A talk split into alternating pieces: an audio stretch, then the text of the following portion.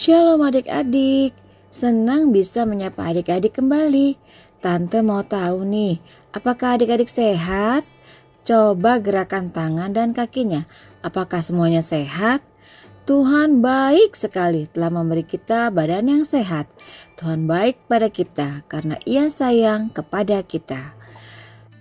Karena Tuhan sudah beri kita kesehatan jasmani, Adik-adik juga harus menjaga kesehatan rohani, yaitu dengan rajin mendengarkan podcast renungan anak dan membaca Alkitab. Tema renungan podcast hari ini adalah kisah sebuah batu dengan bacaan Alkitab dari 1 Samuel 17 ayat 40 sampai 54. Mari kita berdoa sebelum kita membaca Alkitab. Tuhan, saat ini kami hendak mendengar firman-Mu. Berilah pengetahuan dan bimbinglah kami agar firman Tuhan dapat kami mengerti dan pahami sesuai kehendak-Mu. Bukalah hati dan pikiran kami untuk mendengar dan menerima firman Tuhan. Kiranya firman Tuhan dapat menjadi berkat bagi kami. Dalam nama Tuhan Yesus kami berdoa. Amin. 1 Samuel 17 ayat 40 sampai 54 dengan judul perikop perkelahian Daud dengan Goliat. Lalu Daud mengambil tongkatnya di tangannya. Dipilihnya dari dasar sungai lima batu yang licin dan ditaruhnya dalam kantung gembala yang dibawanya, yakni tempat batu-batu, sedang umbannya dipegangnya di tangannya. Demikianlah ia mendekati orang Filistin itu. Orang Filistin itu kian dekat menghampiri Daud, dan di depannya orang yang membawa perisainya. Ketika orang Filistin itu men menunjukkan pandangnya ke arah Daud serta melihat dia, dihinanya Daud itu karena ia masih muda, kemerah-merahan dan elok parasnya. Orang Filistin itu berkata kepada Daud, "Anjingkah aku maka engkau mendatangi aku dengan tongkat?" Lalu demi para allahnya orang Filistin itu mengutuki Daud. Pula orang Filistin itu berkata kepada Daud, Hadapilah aku, maka aku akan memberikan dagingmu kepada burung-burung di udara dan kepada binatang-binatang di padang. Tetapi Daud berkata kepada orang Filistin itu, Engkau mendatangi aku dengan pedang dan tombak dan lembing tetapi aku mendatangi engkau dengan nama Tuhan semesta alam, Allah segala barisan Israel yang kau tantang itu. Hari ini juga Tuhan akan menyerahkan engkau ke dalam tanganku dan aku akan mengalahkan engkau dan meng memenggal kepalamu dari tubuhmu.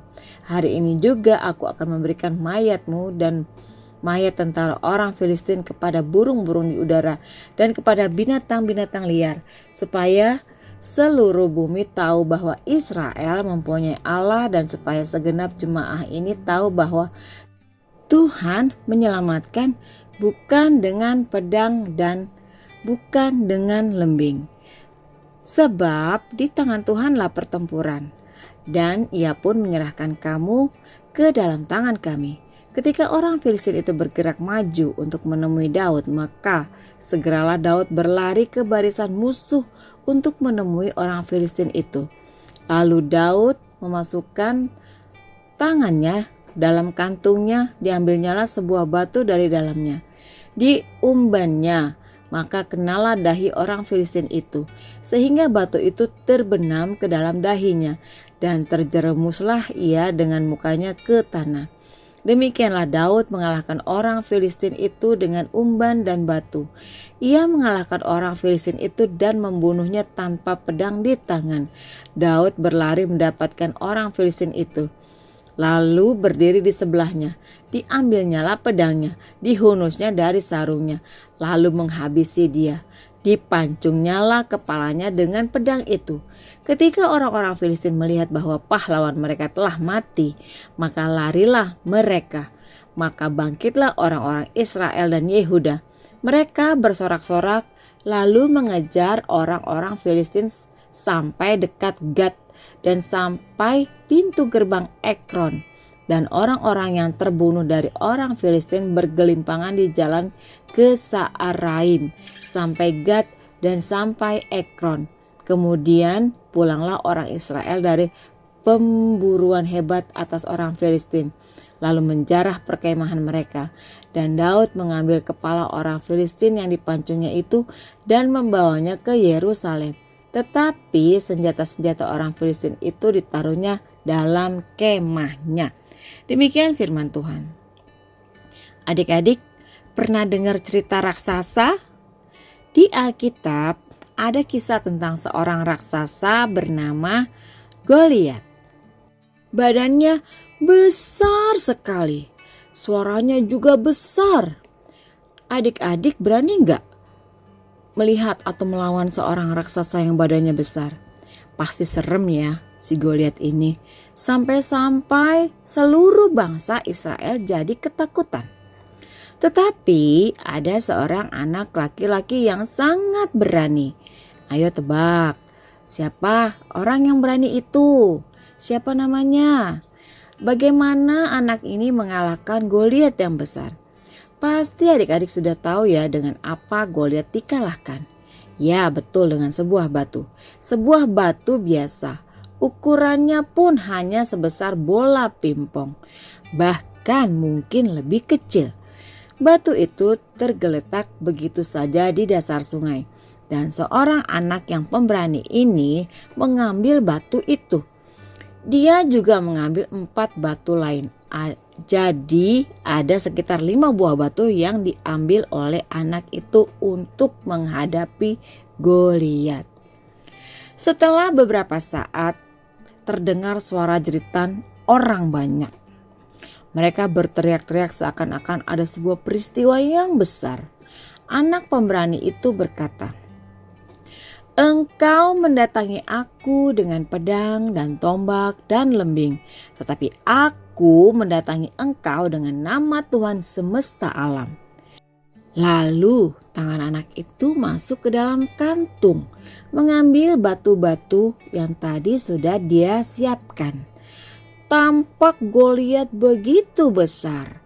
Dia berpakaian perang dan lengkap Tiba-tiba anak muda tersebut menaruh batu pada sebuah alat dan diputar-putar. Dan batu itu terlempar dengan sangat keras tepat kena di dahi Goliat. Goliat terdiam, lalu roboh, mati. Anak muda itu menang. Tuhan membuat anak muda itu menang. Sudah tahu belum nama anak yang pemberani itu siapa? Betul sekali adik-adik, namanya Daud. Tubuhnya ternyata kecil. Waktu Goliat datang dengan senjata lengkapnya, menakut-nakuti orang Israel dengan sombong berkata, Hei orang Israel, aku Goliat. Ayo kita berperang. Apa kalian takut? Hahaha. Wah, Daud yang kecil mau melawan raksasa seperti Goliat. Daud sangat berani Mengapa Daud memiliki keberanian yang begitu besar? Karena Tuhan menyertai Daud. Karena Tuhan menolong Daud. Nah, adik-adik, Daud yang kecil bisa menang karena ia percaya Tuhan akan menolongnya.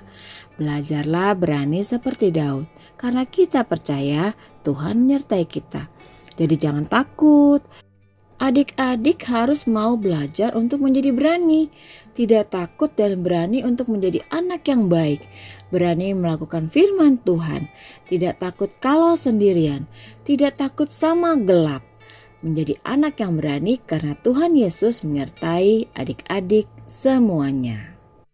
Mengapa Daud bisa menang? Padahal dari penampilan Daud jelas lebih lemah, lebih kecil dibandingkan Goliat.